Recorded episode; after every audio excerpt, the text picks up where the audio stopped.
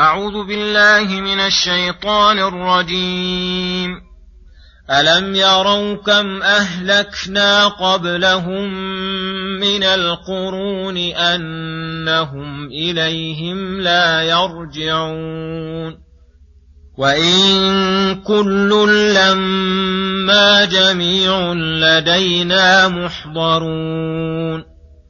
وآية لهم الأرض الميتة أحييناها وأخرجنا منها حبا فمنه يأكلون وجعلنا فيها جنات من نخيل وأعناب وفجرنا فيها من العيون ليأكلوا من ثمره وما عملته أيديهم أفلا يشكرون. سبحان الذي خلق الأزواج كلها مما تنبت الأرض ومن أنفسهم ومما لا يعلمون.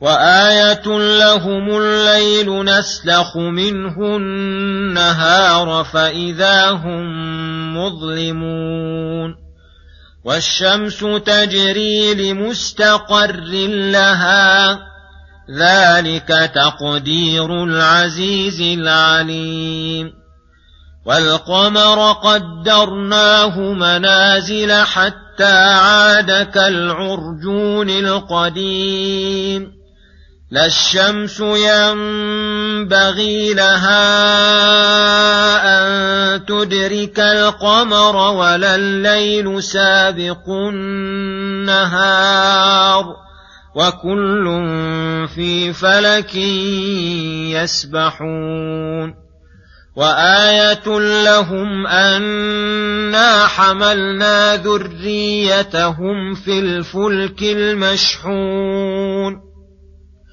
وخلقنا لهم من مثله ما يركبون وان نشا نغرقهم فلا صريخ لهم ولا هم ينقذون الا رحمه منا ومتاعا إلى حين بسم الله الرحمن الرحيم. السلام عليكم ورحمة الله وبركاته.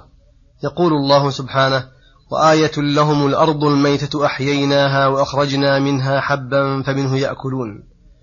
يقول تعالى ألم ير هؤلاء ويعتبر بمن قبلهم من القرون المكذبة التي أهلكها الله وأوقع بها عقابه وأن جميعهم قد باد وهلك فلم يرجع إلى الدنيا ولن يرجع إليها. وسيعيد الله الجميع خلقا جديدا ويبعثهم بعد موتهم ويحضرون بين يديه تعالى ليحكم بينهم بحكمه العدل الذي لا يظلم مثقال ذرة وإن تك حسنة يضاعفها ويؤت من لدنه أجرا عظيما. اي وايه لهم على البعث والنشور والقيام بين يدي الله تعالى للجزاء على الأعمال. هذه الأرض الميتة التي أنزل الله عليها المطر فأحياها بعد موتها. وأخرجنا منها حبا فمنه يأكلون من جميع أصناف الزروع ومن جميع أصناف النباتات ومن جميع أصناف النبات التي تأكله أنعامهم وجعلنا فيها أي في تلك الأرض الميتة جنات أي بساتين فيها أشجار كثيرة وخصوصا النخيل والأعناب اللذان هما أشرف الأشجار وفجرنا فيها أي في الأرض من العيون جعلنا في الأرض تلك الأشجار والنخيل والأعناب ليأكلوا من ثمره قوتا وفاكهة وأدما ولذة والحال أن ذلك الثمر ما عملته أيديهم وليس لهم فيه صنع ولا عمل إن هو إلا صنعة أحكم الحاكمين وخير الرازقين. وأيضا فلم تعمله أيديهم بطبخ ولا غيره بل أوجد الله هذه الثمار غير محتاجة لطبخ ولا, ولا شيء تؤخذ من أشجارها فتؤكل في الحال. أفلا يشكرون من ساق لهم هذه النعم وأسبغ عليهم من جوده وإحسانه ما به تصلح أمور دينهم ودنياهم؟ أليس الذي أحيا الأرض بعد موتها فأنبت فيها الزروع والأشجار وأودع فيها لذيذ الثمار وأظهر ذلك الجنى من تلك الغصون وفجر الأرض اليابسة الميتة بالعيون بقادر على أن يحيي الموتى بلى إنه على كل شيء قدير. سبحان الذي خلق الأزواج كلها أي الأصناف كلها مما تنبت الأرض فنوع فيها من أصناف ما يعسر تعداده ومن أنفسهم فنوعهم إلى ذكر وأنثى وفاوت بين خلقهم وخلقهم وأوصافهم الظاهرة والباطنة ومما لا, ومما لا يعلمون من المخلوقات التي قد خلقت وغابت عن علمنا والتي لم تخلق بعد. فسبحانه وتعالى أن يكون له شريك أو ظهير أو عوين أو وزير أو صاحبة أو ولد أو سمي أو شبيه أو مثيل في صفات كماله ونعوت جلاله أو يعجزه شيء يريده. ثم يقول سبحانه وآية لهم الليل نسلخ منه النهار فإذا هم مظلمون.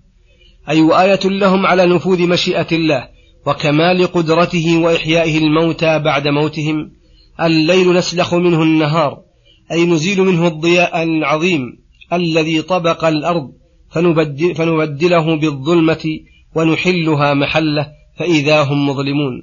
وكذلك نزيل هذه الظلمة التي عمتهم وشملتهم فنطلع الشمس فتضيء الأقطار وينتشر الخلق لمعايشهم ومصالحهم ولهذا قال والشمس تجري لمستقر لها أي دائما تجري لمستقر لها قدرة الله لها لا تتعدى ولا تقصر عنه وليس لها تصرف في نفسها ولا استعصاء على قدرة الله تعالى. ذلك تقدير العزيز الذي بعزته دبر هذه المخلوقات العظيمة بأكمل تدبير وأحسن نظام العليم الذي بعلمه جعلها مصالح لعباده ومنافع في دينهم ودنياهم والقمر قدرناه منازل ينزلها كل ليلة ينزل منها واحدة حتى صغر جدا وعاد كالعرجون القديم أي عرجون النخلة الذي من قدمه نشا وصغر حجمه وانحنى ثم بعد ذلك ما زال يزيد شيئا فشيئا حتى يتم نوره ويتسق ضياؤه.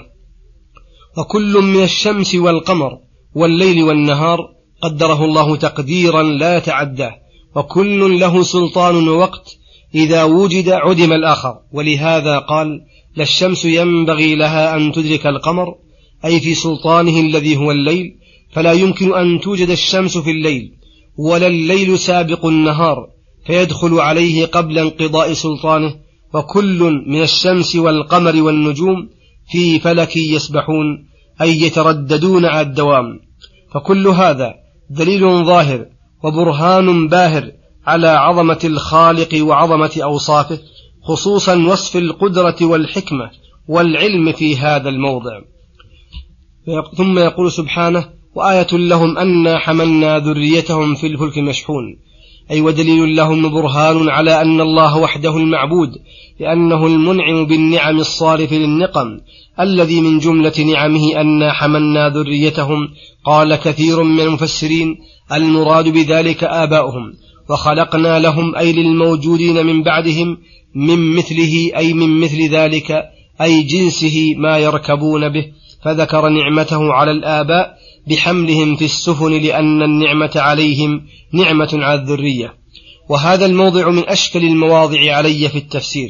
إنما ذكره كثير من المفسرين من أن المراد بالذرية الآباء مما لا يعهد في القرآن إطلاق الذرية على الآباء. بل فيه من الإبهام وإخراج الكلام عن موضوعه ما يأباه كلام رب العالمين وإرادته البيان والتوضيح لعباده. وثم احتمال أحسن من هذا وهو أن المراد بالذرية الجنس وأنهم هم بأنفسهم لأنهم هم من ذرية بني آدم ولكن ينقض هذا المعنى قوله وخلقنا لهم من مثله ما يركبون إن أريد وخلقنا من مثل ذلك الفلك أي لهؤلاء المخاطبين ما يركبون من أنواع الفلك فيكون ذلك تكريرا للمعنى تأباه فصاحة القرآن. فإن أريد بقوله وخلقنا لهم من مثله ما يركبون الإبل التي هي سفن البر استقام المعنى واتضح.